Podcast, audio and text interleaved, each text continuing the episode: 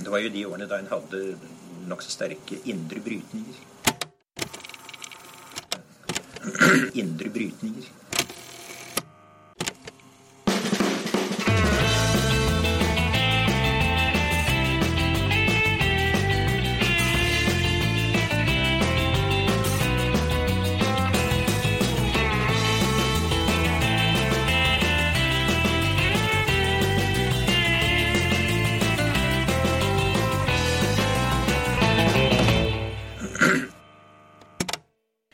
Og velkommen til Noen har snakket sammen. Mitt navn er Tiril Rustan Halvorsen.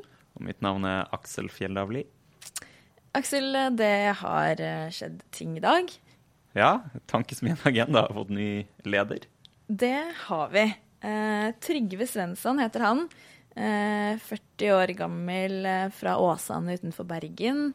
Eh, han har varit eh, mye forskjellig, men kanske mest intressant för oss eh, politisk rådgiver och statssekreterare för Arbeiderpartiet i Näringsdepartementet en period.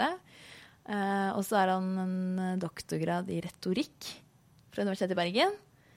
Eh, och nu kommer han eh, fra en jobb som politisk rådgivare rådgiver eh, i ledergruppen i eh, Equinor. Det heter det nå. Det heter det nå. Fort gjort. Eh, det tror jeg blir veldig bra, men vi tok en liten prat med styreleder i Agenda, Geir Lippestad, før du gjorde det. Nei, nei. Eh, før, eh, før sending her, så jeg tenkte kanskje at vi bare skulle høre på hva han hadde å si om Trygve Svensson.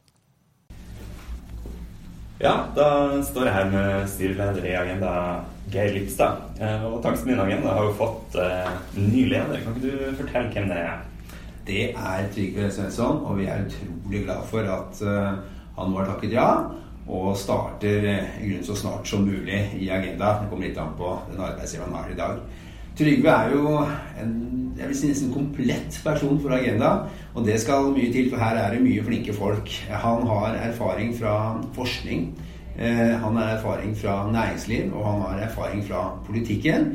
Og han er jeg vil si usedvanlig engasjert, som resten av gjengen her er. Så han, eh, han vil bli en, en, en god eh, leder som kan ta agenda videre i en viktig tid som vi nå går inn i. Jeg kan spørre, eh, Hvordan vurderinger har dere gjort underveis som gjør at dere endte opp på Trygve?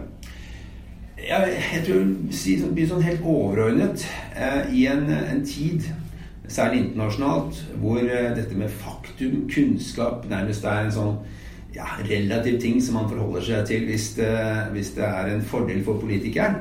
Eh, sannhet er liksom blitt eh, et skjellsord, nærmest. Så, så skal Agenda være et sted hvor man bygger fremtidens ideer basert på kunnskap.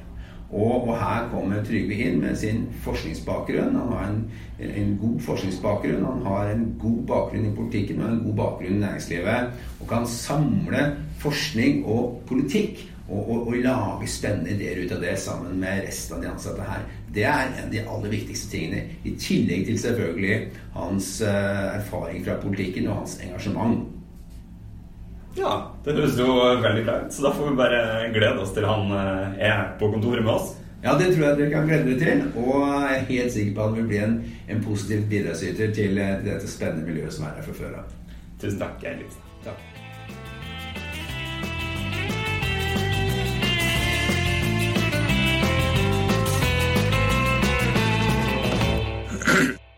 September er det riksdagsvalg i Sverige. Og for å snakke om eh, hva som skjer der, eller hva som har skjedd i valgkampen, og hva som eh, kommer til å skje, fremover, så har vi med oss Håkan Bengtsson. Hallo. Mm, hallå? Hallo. Du er svensk og leder av noe som heter Arenagruppen, som er litt sånn den ekvivalenten til Tankesmien Agenda. Ja, det kan man säga. Det er jo både Eller er parti, part- partipolitisk uavhengig organisasjon som driver med politikk og idéutvikling. Eh, og så har dere da et nyhetsmagasin som heter Dagens Arena.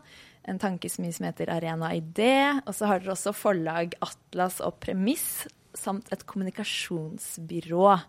eh, Arena Opinion. Så dette er en, en, det er derfor det heter Arenagruppen. Ja. Ja. Precis. du er sjefen for hele gruppen og Arena Idé, så vidt jeg har forstått. Ja, Ja. precis. Så eh, ingen bedre enn deg til å fortelle oss hvordan eh, det svenske valget kommer til å ende. Nei da. Det vet ingen, men uh, vi tenkte vi skulle å snakke litt om dette årets valgkamp. Mm. Kan du si, liksom, kan det gå an å oppsummere hvordan denne valgkampen har vært, og hva som har preget den? Den har väl präglats av en, en stor osäkerhet i grunden um, om vem som ska regera efter valet. Ja. Uh, och det präglar egentligen hela scenen för politiken i Sverige. Att det, till skillnad från de senaste 50 årens val så är det väldigt osäkert om vad som kommer hända efter valet. Vi vet nog ungefär hur man, mandatfördelningen kommer att se ut. Uh, Fordi tradisjonelt så har det måte vært en rød-grønn blokk eller en borgerlig blokk som har byttet på. Exakt. Och det är det på sätt och vis nu också för det finns ju en rödgrön regering med Socialdemokraterna och Miljöpartiet i samarbete eh, och stöd i vissa frågor, framförallt när det gäller budgeten från Vänsterpartiet. Så där finns ju en, en gruppering i parlamentet som är större än motsvarigheten på högersidan, det vill säga Alliansen som är då fyra borgerliga partier med Moderaterna som det största partiet. Mm. Men majoriteten i, det finns ingen majoritet för de rödgröna i parlamentet. Vilket gör att det är en ganska knivig situation. Mm. Har varit en knivig situation för eh, den sittande regeringen.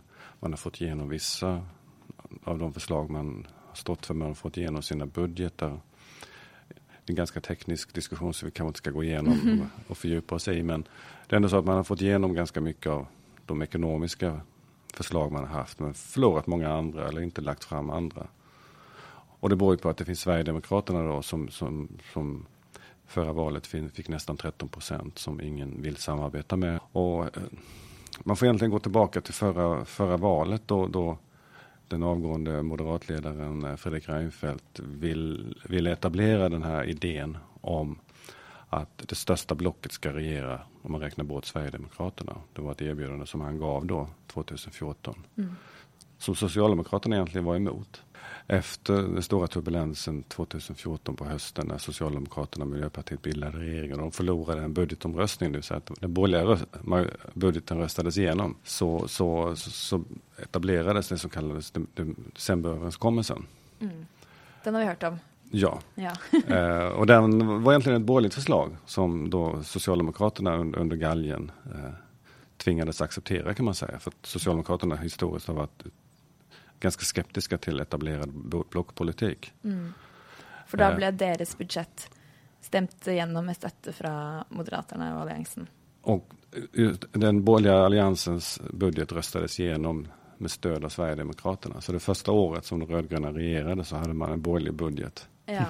som de egentligen aldrig hade tänkt skulle gå igenom utan som var sådär, hur ska jag säga, men själva decemberöverenskommelsen var utan Sverigedemokraterna? Ja, de var inte med där. Nej. Exakt. Problemet var att den övergavs eh, efter tio månader av de borgerliga partierna, den här överenskommelsen. Men har i praktiken eh, levt kvar i den meningen att vi har haft en rödgrön regering som inte har majoritet, som har regerat men som varit större än alliansen. Men nu har de borgerliga partierna sagt att eh, redan efter tio månader så upplöstes den här överenskommelsen och sen så har vi då levt i tre år med, i princip, praktiken har den överlevt i sättet som man agerar. Men inför det här valet så har de borgerliga partierna sagt att nu, nu kommer vi rösta bort den rödgröna regeringen oavsett hur det går. Mm. Oavsett vilket block som blir störst. Mm. Och det är väl det som skapar den st stora osäkerheten. För samtidigt har man sagt att, att man inte vill ha stöd av Sverigedemokraterna. Ja. ja. och då undrar alla hur ska det gå till och det vet ingen riktigt. Mm. Men eh, alltså, Sverige är ju på något ett, ett uh, säregent politiskt system i världen, alltså sån historisk, för att man har haft så djupt befästa politisk höger-vänster-konflikt mm. Eh, där Moderaterna och nej, Socialdemokraterna har varit liksom ärkefiender i fyra årtider i vart fall. Mm. Uh, och så har man plötsligt den situationen där man, det er en stor usikkerhet, da, som du sier. Hvordan, er det, er det, hvordan preger det liksom den, den, motsetningsforholdet mellom høyre og venstre? Altså, Er det like harde fronter mellom høyre og venstre i dag som det har vært, eller? Ja, det är det som är paradoxen egentligen. Att de, de, I den här nya situationen så är mitten svagare än någonsin. Eh, vilket är märkligt på sätt och vis. Um, för att historiskt sett så är det sant som du säger att det har varit en tydlig vänster högerkonflikt eh, i svensk politik. Samtidigt så har vi haft en tradition med, eh, i alla fall sedan 50-talet, med minoritetsregeringar. Mm. Och det har funnits partier på den borgerliga sidan som, som ofta har gjort överenskommelser med Socialdemokraterna. Så det är lite, det har varit både blockpolitik och samarbete på en och samma gång.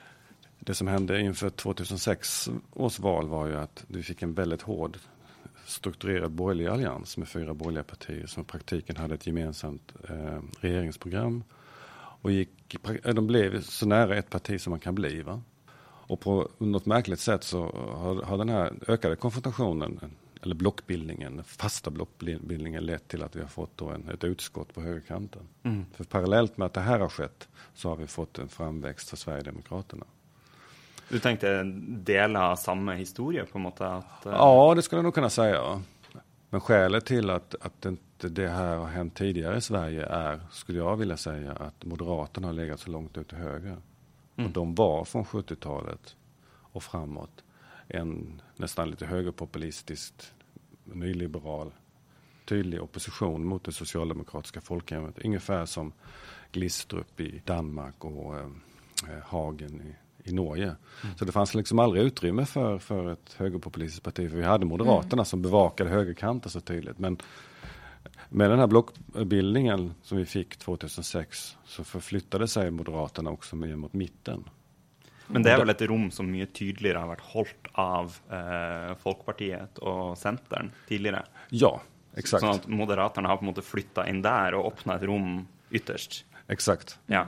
Mm. Precis. Mm. Och Liberalerna och Centerpartiet har blivit mindre. De har blivit mindre. De förlorade också väldigt mycket stöd eh, mm. under de här åtta åren. Eh, och det har gjort de andra borgerliga partierna också lite eh, oroliga. Så att Centern har utvecklats åt sitt håll. Centerpartiet påminner ganska lite om Centerpartiet i Norge skulle jag säga. Ja. Är ju mycket mer liberalt, jag skulle säga nyliberalt i många frågor. Mm. Eh, och Folkpartiet, i vissa frågor får man säga att de fortfarande har en social-liberal profil, men i andra är de väldigt, väldigt hårdliberala skulle jag säga. Mm. Så eh, efter den här blockbildningen så är det uppenbart att alla partier i en hårdnande konkurrens om väljarna så försöker alla profilera sig på olika sätt. Mm. En, I sina säregna frågor. Eller visa tydliga skillnader mellan höger och vänsterblocket. Och det kan man säga gäller även Socialdemokraterna som i det här, den här valrörelsen har ehm, en mycket mer offensiv satsning, en syn på exempelvis offentliga investeringar och eh, de rika måste betala mer skatt och så vidare.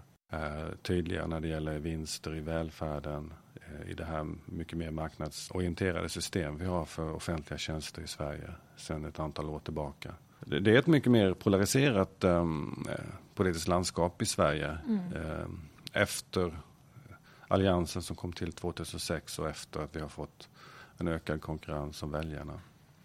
Ja, för också Vänsterpartiet som då ligger till vänster för uh, Socialdemokraterna gör, ser också ut att göra ett väldigt bra val. Så det är på något på Absolut. yttersidan att det växer. De stjäler mest från sossarna, eller?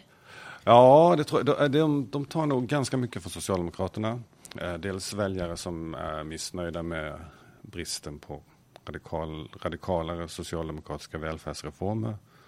Även om det har kommit med ganska mycket i den här valrörelsen. Men också en del som är skeptiska till eh, den, den hårdare hållningen som Sverige intog efter 2015. Och Feministiskt initiativ inte ser ut att komma in i riksdagen ja, den här gången heller. Mm. Och det, de väljarna är ju inte högerväljare mer än någon enstaka möjligtvis, men de fick ju nästan 3% förra valet. Och inget tyder väl på att de kommer komma in, utan snarare tappa ganska många väljare. Och en hel del av dem går till Vänsterpartiet, skulle jag tro. Mm. Det gör att det, det, det, det, är ett ännu mer komplicerat politiskt landskap, mm. förmodligen efter det här valet eh, om en vecka. Nå er jeg ikke sikker på hvordan man eh, sier dette på svensk, men i hvert fall eh, på norsk innenfor statsvitenskapen så snakker man jo om at det er noen spørsmål som er posisjonsspørsmål, og noen spørsmål er valensspørsmål. Mm. Altså noen handler om at man mener ulike ting, mm. eh, der man konkurrerer mm, klasjer mot hverandre. Altså det er noen spørsmål som, der det handler om å bare mene ting sterkest. Mm. mm. Eh, så da skjønner jeg det riktig som at man har fått inn skattespørsmålet mot slutten av valgkampen som et spørsmål som skiller partiene. Mm. Mens på eh, integrasjon, innvandring, kriminalitet, så er det mye det å liksom rope høyest Mm. og vise at man er tydeligst. Ja, absolut.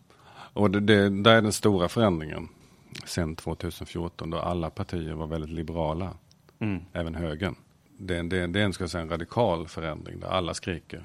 Man tävlar ju om att skrika tydligast. Och Sverigedemokraterna naturligtvis eh, skriker mest och sen kommer Moderaterna och sen kommer Kristdemokraterna och sen försöker Socialdemok har Socialdemokraterna försökt att liksom och även Folkpartiet, Liberalerna har varit dra, dragit åt det hållet. Så det, det är en ganska bra, det är en bra beskrivning.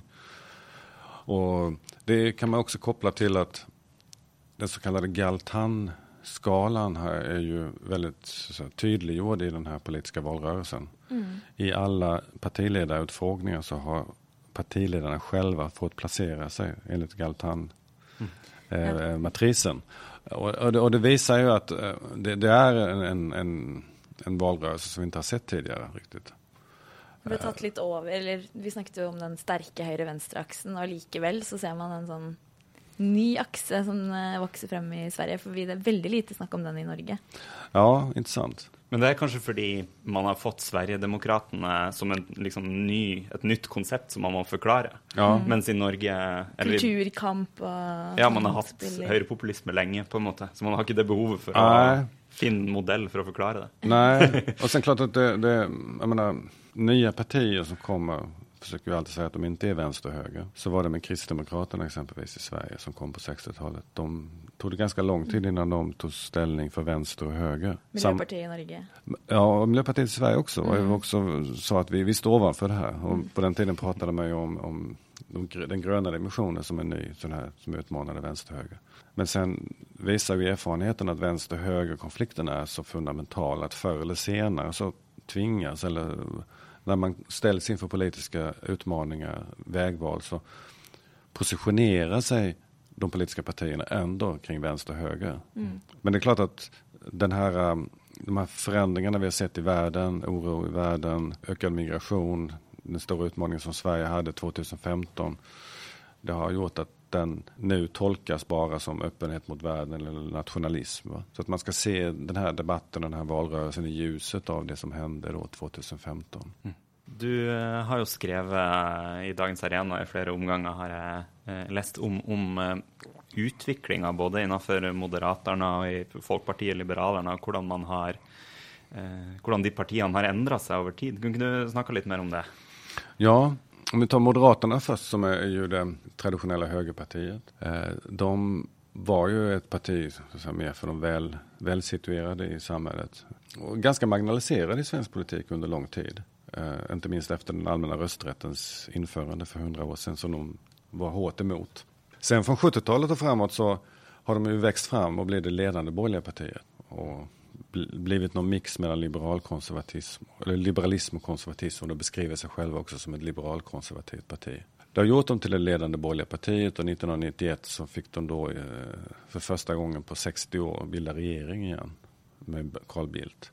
Då misslyckades de och så har de fortsatt och hå- hållit på med att kräva skatter och sänkta skatter och sen så havererade allt det där 2002. De gjorde ett jättedåligt val och fick 15 procent bara. Det ledde fram till Fredrik Reinfeldt två, baserat på en, välja om, vilja om att förändra Moderaterna på två sätt. Det, det vill säga, en, det ena var att man Reinfeldt distanserade sig från ehm, eh, hur ska jag säga, rasistiska idéer inom det egna partiet. Det var en stor skandal i valrörelsen 2002 om, om ehm, där en, en reporter från SVT med dold kamera och dold mikrofon intervjuade moderata valarbetare som sa saker som Sverigedemokraterna säger. Ja. Mm.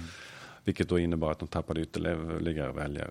Så Moderaterna 2002 var jättekris och sen blev Fredrik Reinfeldt partiledare och han förändrade partiet på två sätt. Som jag var inne på tidigare. Han förde dem mot mitten i retorisk mening, även om de hade kvar sina skattesänkarambitioner. Och han anammade en mycket mer liberal syn på invandring. Den nya Moderaternas eh, framgång, alliansens framgång, som då ledde till att de vann valet 2006 och regerade Sverige i åtta år och förändrade den politiska eh, dagordningen. Sen är det ju så att eh, efter 2014 då de backade och Reinfeldt avgick så har de pl- plötsligt sökt en ny strategi igen. Eh, det, då kastar man ut det som är Reinfeldts idéer. Man har namnat en mycket mer restriktiv syn på flyktingar, invandring. Eh, de kallar sig fortfarande Nya Moderaterna men det är inte speciellt mycket kvar av eh, Fredrik Reinfeldts eh, politik. Så att man har positionerat sig lite mer till höger ekonomiska frågor och så blivit återtagit en del av de konservativa positionerna de hade tidigare. Så att det är mer de gamla Moderaterna tillbaka igen. Mm. Är det ett resultat av framväxten av Sverigedemokraterna? Ja, absolut. De har ju tappat väljare också. Mm. Det är ju naturligtvis mycket riktigt fokus på att Socialdemokraterna tappar väljare till Sverigedemokraterna, men Moderaterna har också tappat väljare. Och uh, speciellt nu i vissa opinionsmätningar så är det uppenbart att Moderaterna har väldigt tufft. Så att eh, de, de, har upplevt en konkurrens eh, och förstått att de, de, har släppt den här högerkanten som de hade en gång i tiden och försöker då vinna, vinna tillbaka väljare där. Men det här innebär också att Moderaterna eh, är väldigt splittrade idag mellan sin liberala och konservativa falang. Mycket tydligare än, än tidigare. För många av de här tydliga nyliberalerna tycker väldigt illa om Sverigedemokraterna medan då en del mer konservativa mm tycker ändå, ja men de är, de är ändå mot sossarna. Så vi kan använda oss av dem. Mm. Så att eh, det, det, är ett, det är ett kluvet parti, ett skadskjutet parti som har vacklat fram och tillbaka. Och det händer ju också ibland i vissa partier eh, att eh, det växlar snabbt. Va? Ja. Med ny ledning så kastar man ut gamla sanningar. Och så plötsligt så svänger det åt ett annat håll. Och det har verkligen hänt med Moderaterna. Det är ganska uppseendeväckande skulle jag säga. Mm. Ja, det är Ulf Kristersson kontra Reinfeldt. Där du... Ja, just det. Mm. Generellt kan man säga att det är flera partier som har rört sig i konservativ riktning. Eh, Kod, Kristdemokraterna har ju också blivit mycket mer konservativa. Vissa menar till och med att man nästan kan prata om ett konservativt block idag. Det vill säga Sverigedemokraterna, Moderaterna, Kristdemokraterna. Och de skulle nästan kunna bli, få en majoritet i riksdagen. Är det en sån synlig framtid? Alltså att man befäster sig mer som en liksom mer sån nationalkonservativ eh, ekonomisk høyre block med de tre partierna? Ja, block är nog för tidigt att säga. Men det, är klart, men, men det är klart att eh, Kristdemokraterna säger ju att man vill bilda regering även om de rödgröna är större. Kristersson är väldigt tydlig med att Stefan Löfven kommer att röstas bort oavsett vilket block som är störst. Mm. Sen är de väldigt otydliga om samarbetet med, med Sverigedemokraterna. De ska inte samarbeta men de kan tänka sig bilda regeringen då. Men mm. det är en ganska, eh, ganska vansklig strategi med tanke på att de förmodligen kommer att vara ett stort parti. Uppåt 20 procent i parlamentet. Och redan eh, efter fyra år så var de mycket mer kaxiga mm. än de var tidigare Sverigedemokraterna och kommer förmodligen bli ännu mer kaxiga efter det här valet. Folkpartiet Liberalerna är ju sagt att de kommer inte bilda regering om eh, de rödgröna blir större. Samma sak har Centerpartiet sagt. Och då säger de, ja men då kommer Alliansen att erbjuda Socialdemokraterna att sitta med i en alliansregering. Mm. Eh, vilket då eh, Stefan Löfven har sagt absolut nej till. Vi börjar prata om den stora osäkerheten som Sverige och svensk politik befinner sig i. Och det illustrerar ju att det är mycket som, som vi inte vet så mycket om än. Som mm. kommer att utspela sig efter valet nästa söndag. Men kan, kan man se för sig att Centern och Liberalerna bryter ut alliansen för exempel, eller ett av de gör det och vill samarbeta med Socialdemokraterna? Det är väl logiskt, det är väl en socialdemokratisk dröm eh, sakpolitiskt så eh, är, det, är det inte så lätt längre. För Centern och Socialdemokraterna historiskt har ju stått väldigt nära varandra. Men eh, inte, inte längre Nej. politiskt.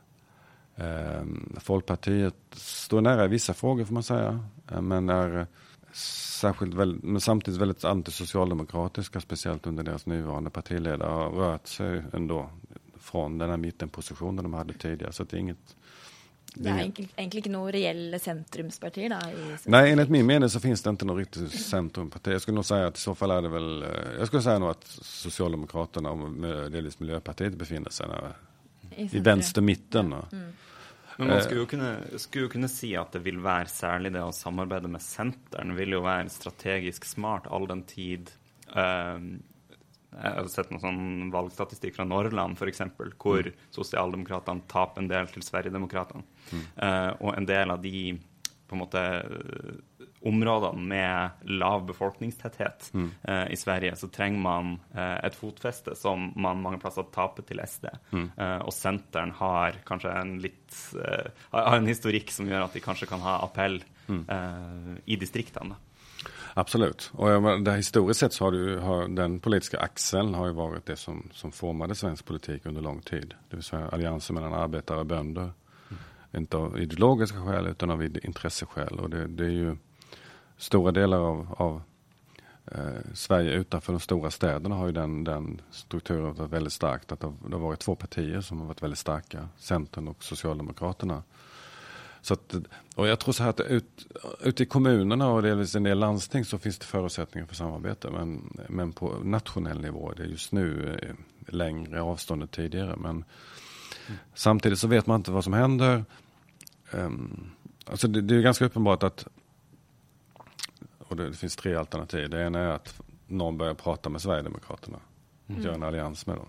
Ja, det väl, ligger närmast hands för de borgerliga, som ni förstår. Alternativ att alliansen försvinner. Att den blocket, blocket försvinner. De rödgröna har inget block och sen så, så bildas det någon regering som antingen har majoritet eller söker samarbete. Eller så återgår man till den här decemberöverenskommelsen och säger okej, okay, det som Reinfeldt en gång föreslog. Eh, mm. det största blocket får bilda regering och så säger vi så här att Sverigedemokraterna är ännu inte demokratiskt rums, rumsrena. Inget av det här sägs före valet. Nej. Och där, där befinner vi oss. Väljarna får inte vara med på att bestämma detta. Ja, precis. det är ingen uh, erkännelse i Sverige om, eller vad är på något hur analyserar man uh, erfarenheterna från decemberavtalen i svensk politik nu? Om man i det hela tänker på att göra det igen? Ingenting är omöjligt, men eh, alltså, den överenskommelsen som, som, kom till då hösten 2014 efter att den här budgeten röstades igenom av Sverigedemokraterna och de fyra borgerliga partierna så sa ju Socialdemokraterna okej, okay, men då utlyser vi nyval. Mm. Och då tvingades ju de, de borgerliga partierna in i någonting som de egentligen tyckte, eller Fredrik Reinfeldt hade tyckt. Eh, men som de kom på efteråt att det här är ju det här är ju förfärligt. Vi har en högre majoritet i, i, i parlamentet men vi, mm. vi kan inte göra någonting. Eh, så att um, på kort sikt tror jag inte den um, det är egentligen inget bra alternativ, decemberöverenskommelsen om jag ska vara helt ärlig. Eh, jag tror att det var en nödlösning som, som tillkom för att, att säga, komma ur en kris som Sverige befann sig i då. Mm. Men, Men typ- fortsatt så är väl allianspartierna ganska tydliga på att de inte vill i regering med, eller ens förhandla med Sverigedemokraterna, så vitt Ja, nej, inte riktigt. Inte helt? Inte förhandla, alltså allt, allt um, um, det kan, man kan ju förhandla på olika sätt. Men min, min prognos är ändå att Sverigedemokraterna har stora ambitioner. De kommer inte låta sig vara en en, en uh, nickedocka som man kan ha informella kontakter med utan de kommer att utöka hård press. Och det är väl ändå det som är det mest realistiska alternativet just nu, att det kommer att bli en moderatledd regering. Men det är inte säkert att den kommer att överleva så länge. Eh, så att vi, vi, kan gå mot ökad instabilitet under, under en period här. Och vi har, i Sverige har ju, som jag var inne på, tradition av att ha minoritetsregeringar, men ändå stor stabilitet. Men om man går tillbaka till 20-talet i Sverige så hade vi väldigt mycket instabilitet. Regeringar som kom och gick och även socialdemokratiska regeringar som inte hade något majoritet i, i, i kammaren men som ändå regerade ett antal år. Så jag tror man kan jämföra med 20-talet. Det hänger ju lite samman med det du snackade om, liksom den blockdannelsen. Man har haft en konsensuspräglad politisk kultur med eh, liksom, eh, stora utredningar på tvärs av eh, mm. politiken. Man, eh, det är liksom Socialdemokraterna styrer, men man slipper in meningar från den andra sidan. Men så befäster man då blockan väldigt tydligt och man reducerar kanske tilliten mellan de olika politiska parterna. Ja, men det, och det diskuteras också i Sverige, för att vi har fått en stark förstärkning av regeringsmakten. Mm. Alltså det är väldigt mycket utredningsresurser, departementen har, har uh, växt. Uh, och det är rimligt också, inte med tanke på att vi är medlemmar i EU och all omvärlden kräver. Men det som du nämner, ett utredningsväsen där de politiska partierna under lång tid går in och i sak diskuterar olika frågor innan man kommer fram till förslag. Mm det har ju rustats ner i hög grad. Idag ser vi mycket mer av enmansutredningar som är mer beställningsverk. Tidigare har ju många av de här reformerna som vi identifierar som centrala i det svenska välfärdssystemet är saker som, eh, även om inte alla detaljer har partierna varit överens om, så är det ändå så att grunddragen har man varit överens om. Är det någon väg tillbaka till en mer sån? Ja, det, det, det, det, är väl inte omöjligt ändå med tanke på att vi nu är inne i en period då regeringsmakten inte kommer vara lika stark som tidigare. Eh, och där parlamentet och det som händer i parlamentet kan bli mer betydelsefullt. Så att förhoppningsvis så växer det fram en, ett, ett, ett nytt samarbetsklimat på sikt. Mm. Där man kan mer grundligt belysa frågor eh, och, och, jobba, jobba för, inte konsensus, för det, politiken handlar om konflikter, ideologiska, sakpolitiska, men ändå att man belyser de olika vägvalen mer tydligt många av de här stora välfärdsutredningarna eller eh, offentliga utredningar satt ju, kunde ju sitta i decennier. Den bostadssociala utredningen satt väldigt lång tid. Skolkommissionen som, som tillsattes eh, efter kriget, den satt, lämnade sitt slutbetänkande på 60-talet och så vidare. Att, att förändra och förbättra samhället är ju ett långsiktigt projekt. Det är inget som man, som man klarar av på ett halvår eller en mandatperiod. Utan politik är ju långsiktigt till, till sin karaktär. Men um, det är klart att i ett, ett, ett väldigt tydligt här, leveransorienterat politiskt klimat så är det svårt att hålla det levande. Du har ju eh, varit länge i eh, gamet i eh, svensk politik i, siden 90-talet. Eh, kan inte du säga lite om hur svensk politik ser ut nu kontra för 20 år sedan? Om man tänker 25 år tillbaka i tiden, det vill säga början av 90-talet, Eh, så får man säga att det var nog Sverige fortfarande ett land som var i hög grad präglas av en socialdemokratisk hegemoni. Det var ett, fortfarande ett väldigt starkt socialdemokratiskt parti. Ett unikt parti i den meningen att uh, det var ett parti som hade innehaft regeringsmakten längre än något annat parti. Över 40 år? Ja, från 32 till 76 och sen mm. så kom man tillbaka 82 och, och satt till och med, då satt man ju i regeringen till eh, 91 och så kom han tillbaka 94. Så att, ehm, och det, det, finns ju inget annat land, demokratiskt land där ett demokratiskt parti har suttit så länge med makten. En stark rörelse bakom, eh, stark fackföreningsrörelse, ett starkt så att säga, civilt folkrörelsenätverk som byggde upp då socialdemokratin. Och jämför idag så är det inte alls så att Socialdemokraterna har, har den positionen. I de här mätningarna vi ser nu så, så ligger de kanske lite över 25 procent. Det, det, det, är en väldigt stor skillnad. Det är mer eller mindre 20 procent färre väljare. Den socialdemokratiska hegemonin är inte lika stark längre. Dock finns det en, en väldigt stark antisocialdemokratisk stämning mm. hos allianspartierna. Och det, det, det, är väl det är det politiska stora strukturförändringen skulle jag säga. Och Sverige har ju då genomgått stora förändringar politiskt ideologiskt. Du hade då en borgerlig regering mellan 91 och 94 som genomförde ett antal strukturreformer. Och i den krisen som var på 90-talet så ändrades villkoren för den ekonomiska politiken som även Socialdemokraterna då var en del utav. Skatterna gick ner och, och så vidare. Mycket av det här diskussionen om marknadslösningar, privata alternativ i, i, i den offentliga sektorn etablerades ju då mm. eh, av den borgerliga regeringen. Och det accentuerades ytterligare då med den borgerliga regeringen eh, 19, 2006 till 2014 under Reinfeldt och Borg. Eh, så sammantaget kan man säga att Sverige är inte den som entydiga. Många av de socialdemokratiska folkhems välfärdsreformerna är intakta men det har ändå korrigerats eller förändrats utav eh, borgerliga regeringar som har eh, genomfört ganska stora förändringar av det svenska samhället. Eh, Sverige ett delvis annat samhälle än det var för, för 25 år sedan. En annan sak man kan eh, reflektera över, speciellt med tanke på den valrörelse vi har nu, är ju att samtidigt så har ju Sverige under de senaste 20 åren genomgått en enorm positiv ekonomisk utveckling. Under De senaste 20 åren så har nästan alla har fått reallöneökningar varje år. Det finns ju inte någon period i Sveriges historia då, då vi haft en sån långvarig eh, ökning av realintäkterna för, för vanliga löntagare. Samtidigt som man kan- reflektera över två saker. Det ena är att skatterna som andel av BNP har sjunkit. Man kan se stora revor i välfärden.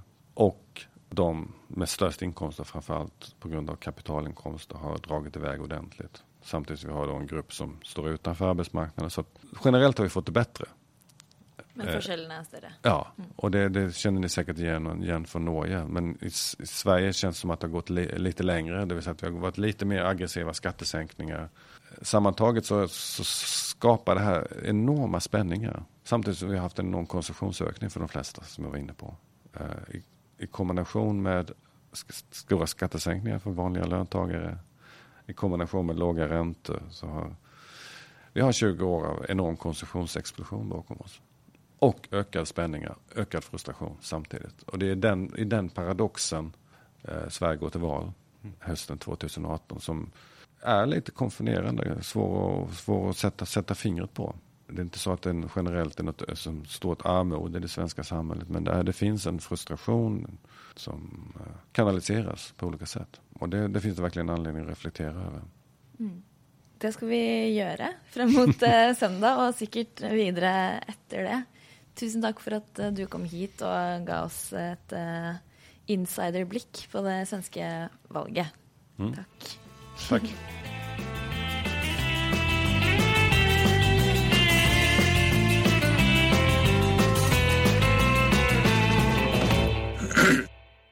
Det blir spennende å følge med på valget. Jeg skal i hvert fall gjøre det fra Kulturhuset, der hvor eh, eh, Tankes min agenda har valgvake. Som er min anbefaling denne uka til alle som hører på. Eh, det er alltid gøy å følge med på det sammen med noen andre. Ja, det, det er det, så det anbefales. Eh, min, min anbefaling er vel litt i samme gata som en del anbefalinger jeg har hatt i det siste om Sverige. Samme land. Ja. Eh, det Anbefalinga er gå inn og ta en eh, valgomat eh, på en av de svenske nyhetssidene, eller Sveriges Radio, eller hva som helst. Eh, fordi da får man eh, spørsmål om en del av de tingene som er viktige i, i det svenske valget. Litt sånn om eh, både marknadshyroer og eh, inn, inngangslønner for unger og tjohei. Ja. Jeg tok en sånn. Det var ganske morsomt. Ja. Ekspressen sin eller noe sånt. Ja. Eh, ja, da har vi resultatet neste gang vi møtes. Eller resultat og resultat. Vi, vi, det er ikke sikkert at det er noe regjeringsalternativ klart. Nei, det må vi regne med at ikke. Nei. Så mye for en eh, valgvake. ja ja. Eh, nei, fint. Takk for nå. Takk for nå.